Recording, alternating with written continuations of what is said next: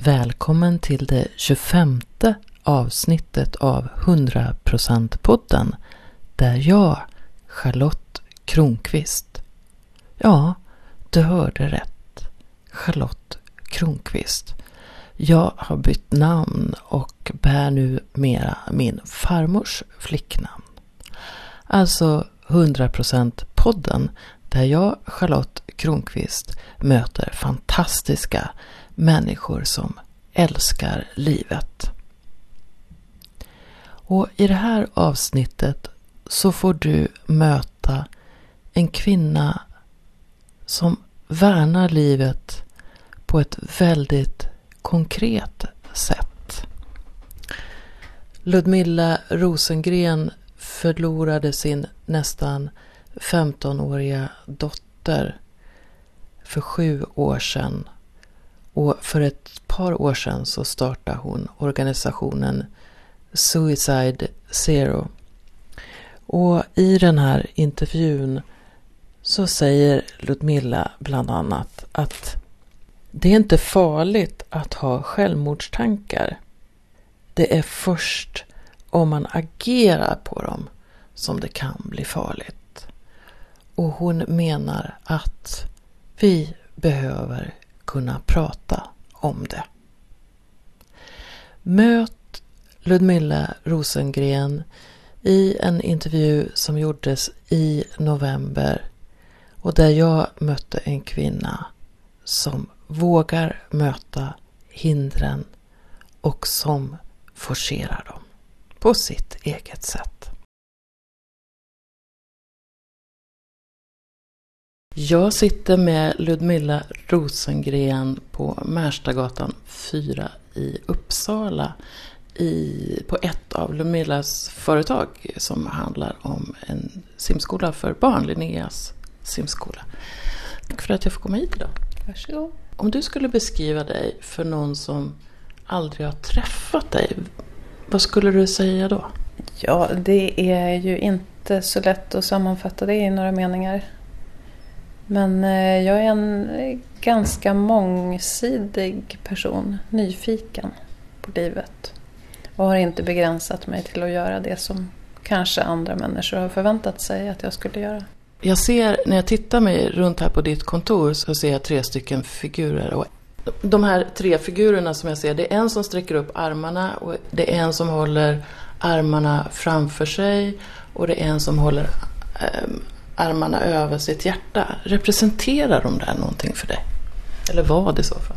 Jag har fått dem eh, och det är i samband med att min dotter Linnea tog sitt liv så har folk gett mig de här. Så vad händer när du tittar på dem idag? Inte så mycket, men de är fina. Jag tycker också att de, ut, de utstrålar liv och livsglädje och hopp. Det är vad jag ser i. För sju år sedan så tog din dotter sitt liv. Vad hände med ditt liv då? Då brakade det ju sönder fullständigt. Det var ju... Jag brukar beskriva det som att, att jag personligen eh, smulade sönder i mina beståndsdelar formligen. Och var tvungen att bygga upp allting från början igen. Det där när man drabbas av en sorg som är så... Jag är själv trebarnsmamma så jag, jag, ja, det gör ont bara jag tänker på det. Men hur, hur kan man bygga upp sig själv efter det? Ja, den som visste, den som hade ett recept på det. Jag håller faktiskt på att skriva en bok som heter just En handbok för dig som har förlorat ett barn. Därför att det var väl ungefär det som kändes som att jag skulle behöva då när det hände. Man vet ju inte, man tror ju inte att man ska överleva överhuvudtaget. Och när började det kännas som att det skulle vara möjligt? Var det någonting som hände i dig eller var det någonting som hände i omgivningen som hjälpte dig på fötter? Jag tror att det, det var inte så enkelt för mig som att det var antingen eller utan det var både så att det var total kaos och att det inte var möjligt att fortsätta leva för min egen del. Samtidigt som jag tog beslutet att jag måste göra någon skillnad på grund av det som har hänt. Så att det där var liksom parallella processer, inte en fas först där jag var helt förlamad och sen en fas där jag gjorde något. Utan det gick både och samtidigt. Och när fick du idén till Suicide Zero? Ja, det var nog någonting som jag upptäckte. Jag upptäckte ju väldigt tidigt att det fanns eh, dels att det finns väldigt stor okunnighet och rädsla kring ämnet självmord. Det blev väldigt tydligt därför att förutom att de som vänner och bekanta, många tog avstånd och inte visste hur de skulle hantera det hela. Så även de som man mötte i vården och, och de som man tänker att de ska veta hur man gör. De var också väldigt rädda att ta i frågan och det var ingenting som hände automatiskt. Så där märkte jag tidigt och det var därför också som jag började skriva på en blogg redan tre veckor efter att Linnea hade dött. Att jag behöver dokumentera det här som händer, jag behöver visa vad det här handlar om. Så det var tydligt redan från början. Och sen så märkte jag också att det finns ju inte tidigare någon organisation som bara ägnar sig åt att förhindra självmord. Psykisk ohälsa har det kommit väldigt mycket, särskilt de senaste åren. Men just självmord som sådant är någonting som... Alltså alla har en benägenhet att backa väldigt mycket när man pratar om den frågan och blir rädda. Det händer saker inom en själv och det sker även inom beslutsfattare och professionella. För alla är vi människor. Men om det finns en sån rädsla och okunnighet i frågan och man agerar på de föreställningar som man har utifrån dem. Att man inte ska prata om det för att det kanske väcker någonting hos den man pratar med och så vidare. Om man som beslutsfattare också gör så, då, då kommer man inte vidare. Så det här blev väldigt tydligt för mig. Och då växte det fram och sen så tillsammans med Alfred som är generalsekreterare idag, han hade också liknande erfarenhet och eh, då bestämde vi oss för att starta en organisation. Det var två och ett halvt år sedan. Och vi har fått enormt gensvar väldigt snabbt. Så att det var tydligt att det behövdes. De som ni får gensvar från, är det både unga som, som känner sig livströtta och, och anhöriga? Ja, eh, nu är ju inte vi en organisation som har direkthjälp för suicidnära personer. Utan då hänvisar vi till föreningen Mind och Självmordslinjen som har en, en dygnet runt öppen linje att ringa till eller chatta på. Utan vi fokuserar ju på att eh, informera och påverka beslutsfattare eh, så att de ska veta hur de ska agera för i länet till exempel. Eh, vad de behöver för att kunna sätta upp en suicidpreventiv plan och vad man kan göra rent handfast.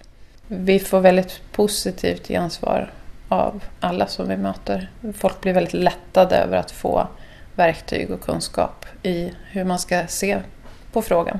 Jag såg för mig en, en Sverigekarta och hur, hur det här sprids över landet. Är det lite så det går till?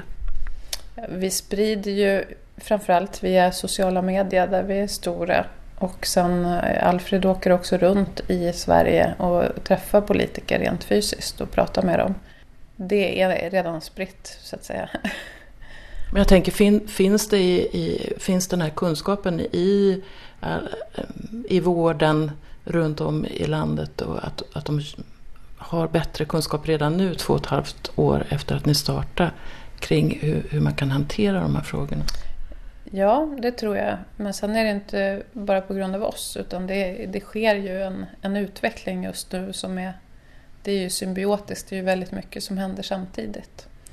Men eh, jag tror absolut att vi har hjälpt till att, att sätta den bollen i rullning och, och fortsätta få den i rullning och så att, eh, och vi är ju också ute och föreläser i skolor och på arbetsplatser och så vidare. Så att det bidrar ju. Varje sånt bidrar ju. När din dotter var självmordsbenägen och när jag läste om det så förstår jag att hon var inlagd alldeles innan hon dog. Så att, att, att hon inte mådde bra var ju klart. Det visste du. Vad skulle du ha behövt veta eller vad skulle vården ha behövt veta för att undvika att, att, att hon tog sitt liv? Det var ju som du säger helt tydligt att Linnea inte ville leva längre. Det var hon väldigt tydlig med. Hon ville inte fylla 15. Och hon tog livet av sig åtta dagar innan hon fyllde 15. Hon hade försökt ta livet av sig tre gånger innan. Så jag vet inte vad som skulle ha behövt vara tydligare. Var tydligt. Utan det var väl hur man agerade på det som inte var i relation till vad hon hade uttryckt. Då. Det är det jag tänker, alltså, när, när det är unga människor som, som har det svårt. Vad, vad kan behövas för att stötta eh, en, en människa i den situationen? Jag tror att det som hade behövts för Linneas del var att man hade tagit ett mer samlat grepp och inte bara väntat ut tiden och hoppats att det skulle bli skillnad. Eh, att man eh, hade gått till botten med och pratat mer om hennes självmordstankar. För det gjorde man inte och det är väldigt vanligt. Även när man är i kontakt med vården att just ämnet undviks. Att man, man kommer in på det väldigt tillfälligt för att det behövs för journalen att man skriver någonting om det. Men man är rädd att, att ställa frågan rakt ut om hur det är. Hur man egentligen tänker sig det hela och om man har aktuella självmordstankar. Och jag tror att man måste bemöta det som de tankar som det är. Därför att det är ju inte farligt att ha självmordstankar. Utan det är ju först om man agerar på dem som det blir farligt. Och man kan ju se självmord som ett, ett psykologiskt olycksfall. Och om man jämför det med ett olycksfall i trafiken så när man analyserar det så, så tittar man på olika omständigheter och de personliga bitarna i det hela. Och sen så tittar man på bilen och väglaget och andra trafikanter. Och det är flera olika samverkande faktorer där förarens tillstånd är ett. Och Eh, precis så tror jag man ska se på det när det gäller självmord också. Att det är psykologiskt olycksfall där det är väldigt många olika. Det finns inte bara en anledning till att man har tagit livet av sig men det finns väldigt många samverkande faktorer som leder fram till det här psykologiska olycksfallet. Och när någon då har självmordstankar så kan man också titta på det så och se var i processen är vi nu och vad, vilka situationer är det som utlöser de här tankarna och vad gör du då och vad är det som händer och vad kan man göra för att minska risken för att de här tankarna ska komma och, och se på helheten på ett annat sätt. Och jag tror att det är så man måste bemöta en person med självmordstankar och inte tassa på tå kring det precis som att det är någonting som kan explodera om man trycker på det. Därför att det är ju precis tvärtom. Jag tänker att, att en del av det här kanske beror på att den som möter den självmordsbenägna själv är rädd. Ja, rädslan är ju det största hindret. Och rädslan bygger ju på okunnighet. Så får man information om att det kommer att hjälpa personen i fråga att du ställer frågor om självmord. Det kommer att minska risken för självmord. Om man förstår det. Då blir man ju också mer benägen att ställa sådana frågor oavsett om man är vårdpersonal eller vän. Ja, och då kan ju den personen känna att det här är någon som bryr sig om, om mig och mitt liv. Ja, därför att går man med självmordstankar så känner man sig ofta ganska misslyckad också därför att många gånger så finns det en massa saker som man tycker att man borde tycka att det var värt att leva för. Och så gör man inte det just då. Och det skäms man för och tycker är tungt. Så sitter man ensam med de tankarna och tycker att man är en dålig människa för att man inte klarar av att må bättre. För att man inte hittar den där ryck upp sig-knappen det, när man skäms så pratar man inte om det och då känner man sig ännu mer ensam trots att det kanske finns jättemånga som... Men man vill inte belasta sin omgivning och alla har ju sina problem och så tänker man. Men om det är då någon som tar sig tid och frågar hur man mår egentligen och vågar ta det samtalet, då kan det vara hela skillnaden. Så egentligen så är det nog inte i första hand eh, skillnader inom vården som är det viktigaste utan det är en attitydförändring hos oss alla.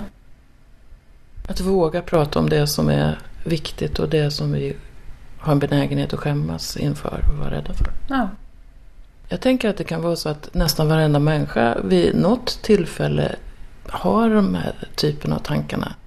I alla fall har jag haft tankar men utan att agera. Så jag tror själva den här första delen i det, att nu känns livet så meningslöst, att det, det kanske vi alla kan känna igen. Ja, så är det ju. Jag menar att de allra flesta har självmordstankar någon gång under under livet och, och man tänker att ja, nu är allting skit och blir det värre än så här då kan man ju ändå ta livet av sig kanske. Någonstans omedvetet tänker man att det är en, en väg ut om det blir för jobbigt. Men de flesta stannar där och tänker att ja, ja, men om alternativet är att dö, då kanske det ändå inte är så illa. Utan då, då är, kan jag ändå... Och då blir det en vändpunkt till att man gör någonting då för att förändra sin situation. Jag tänker också på att jag vet eh, till exempel i, i kollektivtrafik och sådär så brukar man undvika det tåg som stannar upp, trafiken stannar upp och så är det någon som har försökt ta sitt liv. Att man inte säger vad det är som har hänt för att det finns en, en idé om att då kommer det att vara fler som kommer att välja den utvägen. Så därför så, så pratar man, man skriver inte så mycket om, om det heller och man pratar inte om det. Är det. Ser du det som uttryck för, för samma sak? Ja, det och jag, det är ganska intressant det där. Jag hade så sent som igår ett samtal från en, en person som eh, undrade om eh, den anhöriges Eh, som nyss hade försökt ta livet av sig, om de skulle berätta det för syskon och närstående släktingar. Och, eller om de skulle säga att det var någonting annat. Och det där är, det är mycket vanligare än vad man tror. Det är så komplicerat, det väcker så mycket känslor. Och man tänker att, att andra skulle skadas av att få veta att det var så det var. Och det är precis tvärtom. Därför att om vi aldrig pratar om det och aldrig så att säga erkänner för varandra att vi alla har mörka tankar och att livet faktiskt inte är så enkelt. Då blir ju skammen och ensamheten större än att veta att det här är mänskligt. Det är allmänmänskligt. Jag är inte dum i huvudet eller knäpp på något sätt för att jag känner på det här sättet utan att det här är faktiskt så här livet är. Ett av de ämnen som jag har tittat väldigt mycket på är just skam och hur skam påverkar oss som människor. och hur skam och rädsla är kopplat till varandra. Och då kan det ju både vara kring det här att vi, vi vill inte känna obehag kring saker som kan kännas läskiga. Men det kan ju också handla om det omvända, eh, att ta plats i det här samhället skulle önska ett samhälle där, där vi kan ta bort mycket av skammens kraft att, att, att hålla verkligheten tillbaks på, no, på något sätt. Mm. Upplever du skam i, i fler sammanhang än det här som, som du noterar som tillbakahållande? Jag tänker i livet, alltså, du, du ser ju skammen här, men, men tycker du också att, att skam Alltså, hur skulle du vilja verka för, för att minska det eller ser du det på ett annat sätt? Eller? Jag vet inte. Jag, jag, tror att det viktiga är ju att man är, att man är öppen och att man är... Jag, jag, jag jobbar ju som terapeut och när jag sitter i den där stolen och lyssnar på alla olika historier oavsett ålder och kön och situation i livet så bär vi på väldigt likartade saker. Men vi tror att vi är ensamma om det. Och där skulle jag bara vilja öppna upp och, så att alla förstod hur lika vi är. Det är samma, samma saker vi brottas med allihopa.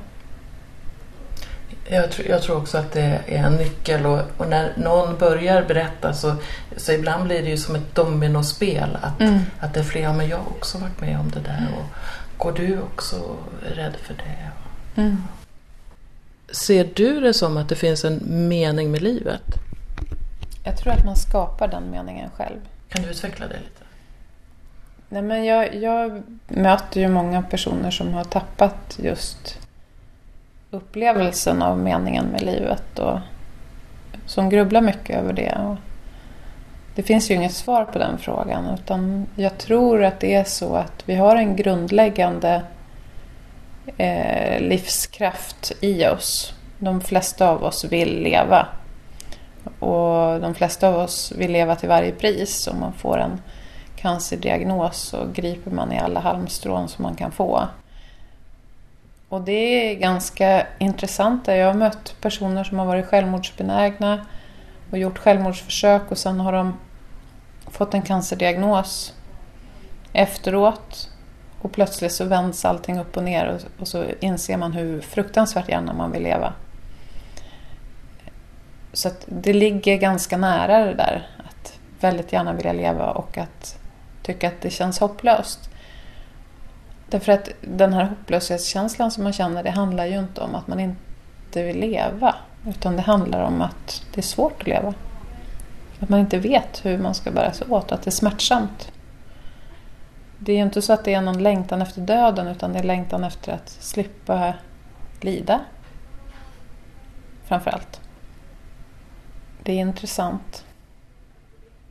Så vad är det för mening du har skapat i ditt liv? Jag har alltid drivits av att vilja göra skillnad. Så att redan innan Linnea dog så, så har jag gått min egen väg och, och, och en del pratar om att jag är stark eller modig. Jag själv ser inte hur jag skulle kunna leva mitt liv på något annat sätt. Apropå vad vi diskuterade innan du började spela in så jag, eh, jag är så här. Så jag har gått min egen väg och gjort på mitt egna sätt. Och det är sånt som sticker i ögonen på folk ibland och ibland så beundrar folk det. Det, det finns två sidor av det myntet också. Och jag har försökt att göra skillnad. Att jag ska lämna någonting efter mig. Och när det gäller Linneas död så blev det ännu tydligare för mig att Linnea ska inte få ha dött i onödan. Hon ska inte ha levt i onödan. Även om levt i onödan har hon ju inte gjort det för hon har funnits nästan 15 år för oss. Och det räcker ju egentligen. Men hon ska inte ha dött i onödan. Det får inte vara meningslöst. Jag vill göra skillnad på grund av det. Och det gör jag varje dag. Så hon har, gjort, hon har räddat många liv genom att hon dog. Livets märkliga paradoxer någonstans. Ja. Visste du tidigt det här med att du ville göra skillnad? Kan man se barnet Ludmilla som gör någonting som är ett uttryck för det? Ja. Jag har alltid... Jag har inte tagit den enkla vägen. Kan du ge något exempel? Alltså jag... Jag flyttade hemifrån när jag var 15 och jag fick barn när jag var 18 och ingen trodde att jag skulle kunna bli läkare då eftersom då var det ju kört. Då. Men det blev jag. Och sen har jag inte jobbat på inom landstinget som folk har förväntat sig utan jag har startat en babysimskola och jobbat som läkare också. Och um, hittat en, en balans i det som har varit viktigt för mig och samtidigt så har jag då kunnat vara mycket med barnen eftersom jag har varit egen företagare och kunnat styra min tid. Har du någon känsla för vad den där... Jag känner en glöd i dig. Har du någon känsla var den kommer ifrån? Nej, det vet jag inte. Den finns bara där och den finns inte där hela tiden.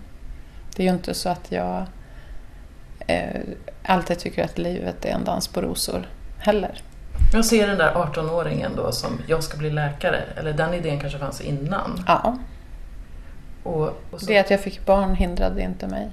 Nej, och då får du hitta olika saker, sätt som är lite krångligare för dig än för den som inte har barn när den, när den börjar då, tänker jag. Samtidigt så, så tänker jag så här att man kanske, man kanske gör det som behövs för att man ska kunna göra det man vill.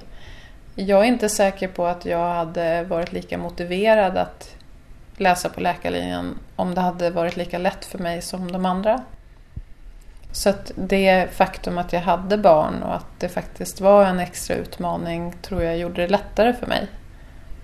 Och så tror jag att det är överlag för mig. Att det kommer utmaningar så tänker jag hmm, det här var spännande, hur ska vi lösa det här? Är du en lösningsfokuserad person? Absolut. Ja, men det finns inget annat. Det var, jag, när folk säger att nej men det går nog inte. Vad då inte går? Det är klart att det går. Det är bara frågan om hur. Det finns ingenting som är omöjligt här. Och då var det någon här, vi håller ju på att bygga bassäng just nu och då var det en av gubbarna som sa att jo, det finns en sak som är omöjligt. Och det är att rycka ett hårstrå från en flintskallig. Och det möjligen skulle jag kunna gå med på men jag är inte helt säker på att man är helt flintskallig så det finns kanske något litet hår att rycka i alla fall. Ungefär så är min inställning. Men kan det vara så att du, att du går igång på att det är en utmaning också? Att det kan göra dig ännu mer motiverad? Absolut, ja. Därför att jag tror att det som hindrar utvecklingen många gånger är att man stannar upp. Lägger sig platt ner eller vänder sig om och går tillbaka. Och det tror inte jag behövs. Och jag tror att man måste på något sätt vara lite envis. Och inte slås ner av, av motgångar. Är klart att det kommer motgångar. Massor.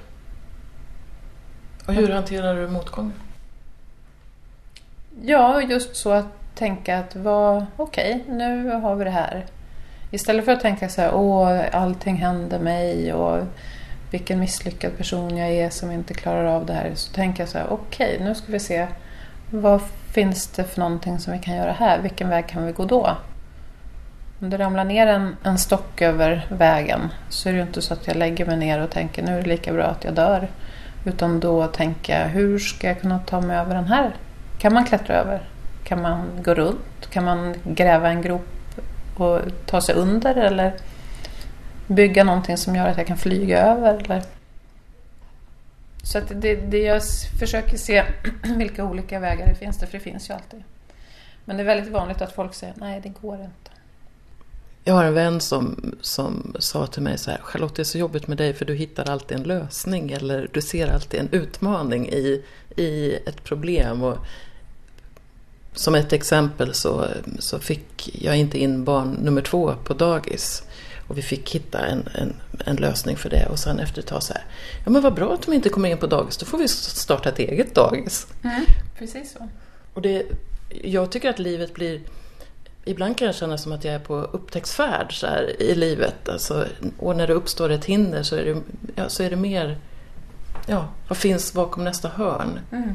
Men ibland så är det inte så lätt då för dig heller. Vad, vad, hur kan du återhämta dig eller samla ny kraft? Har du någon metod eller så? Alltså jag har, har min familj och jag har en man som är väldigt stabil. Och jag har fantastiska, jag har fyra barn i livet. Och två barnbarn. Och min äldsta dotter är 28 och min yngsta är, hon fyller sex snart. Så jag har hela spannet och två tonårskillar. Och de ger mig energi. Att känna att jag behövs för dem.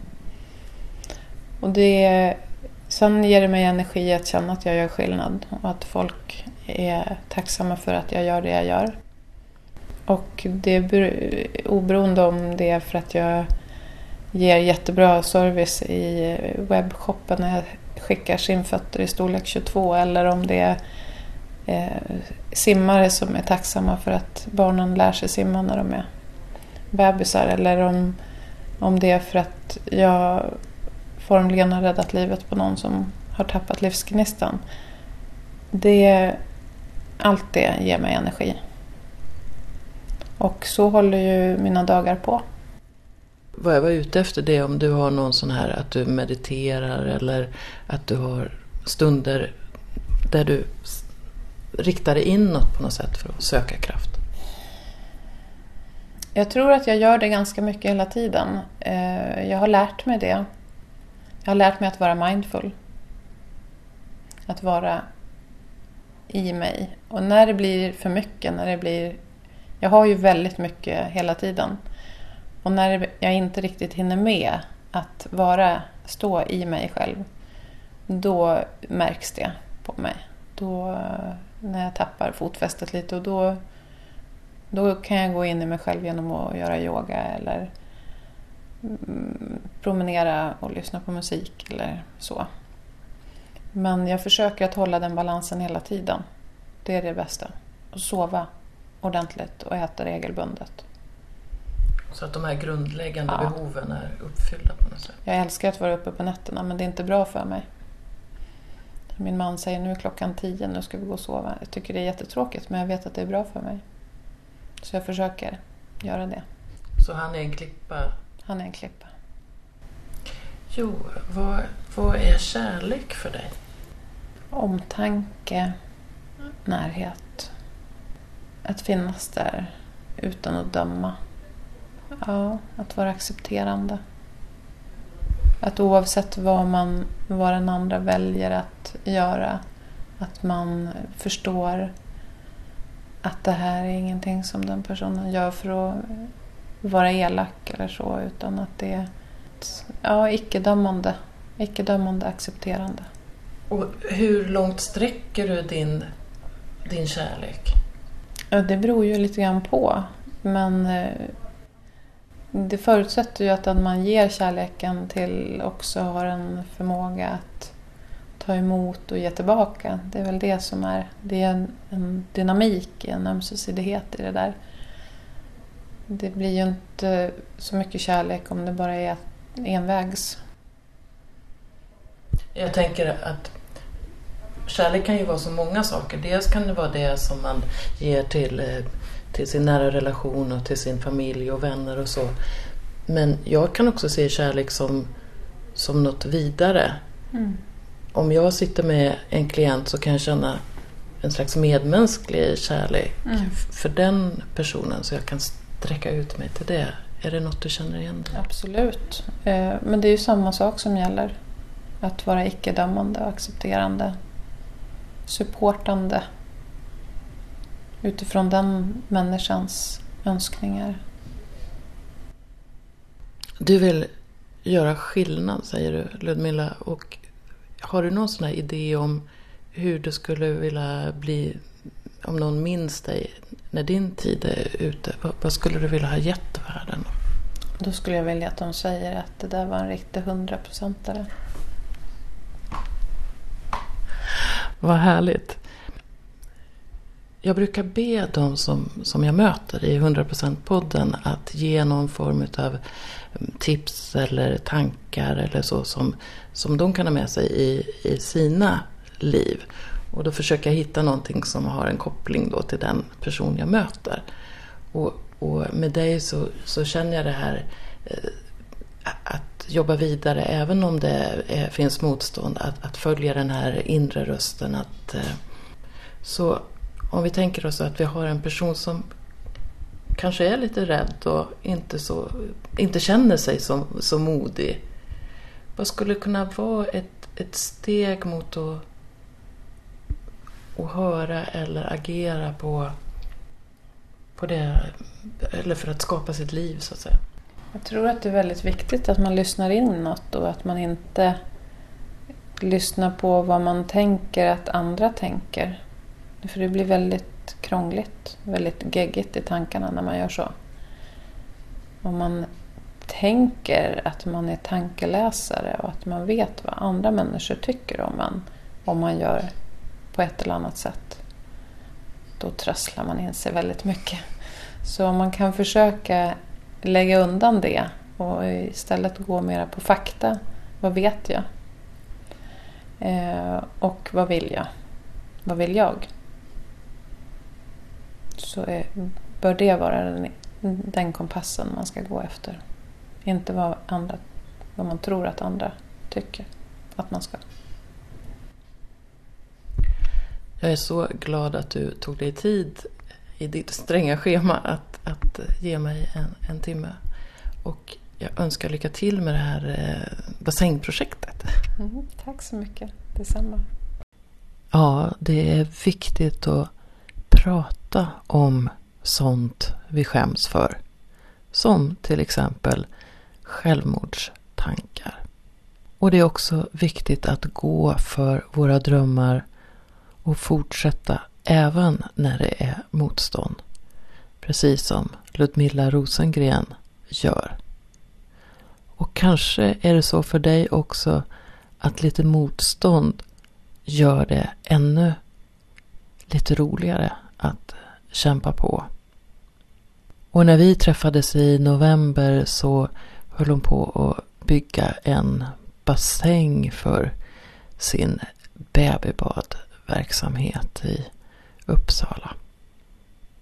100% podden är ett av mina sätt att sprida kärlek till världen. Jag ser det som att kärlek är svaret. Vi behöver en värld som är värd att leva i. Och jag hoppas att 100% podden och de personer du möter där bidrar till att inspirera dig till att leva fullt ut och ta in kärlek i ditt liv. Hjälp mig gärna att sprida 100% podden till fler människor. Hör gärna av dig till mig och säg vad du tycker om podden.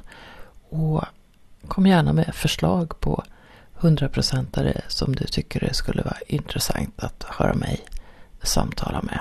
Och även om det nu är adventstider så stanna upp emellanåt och andas.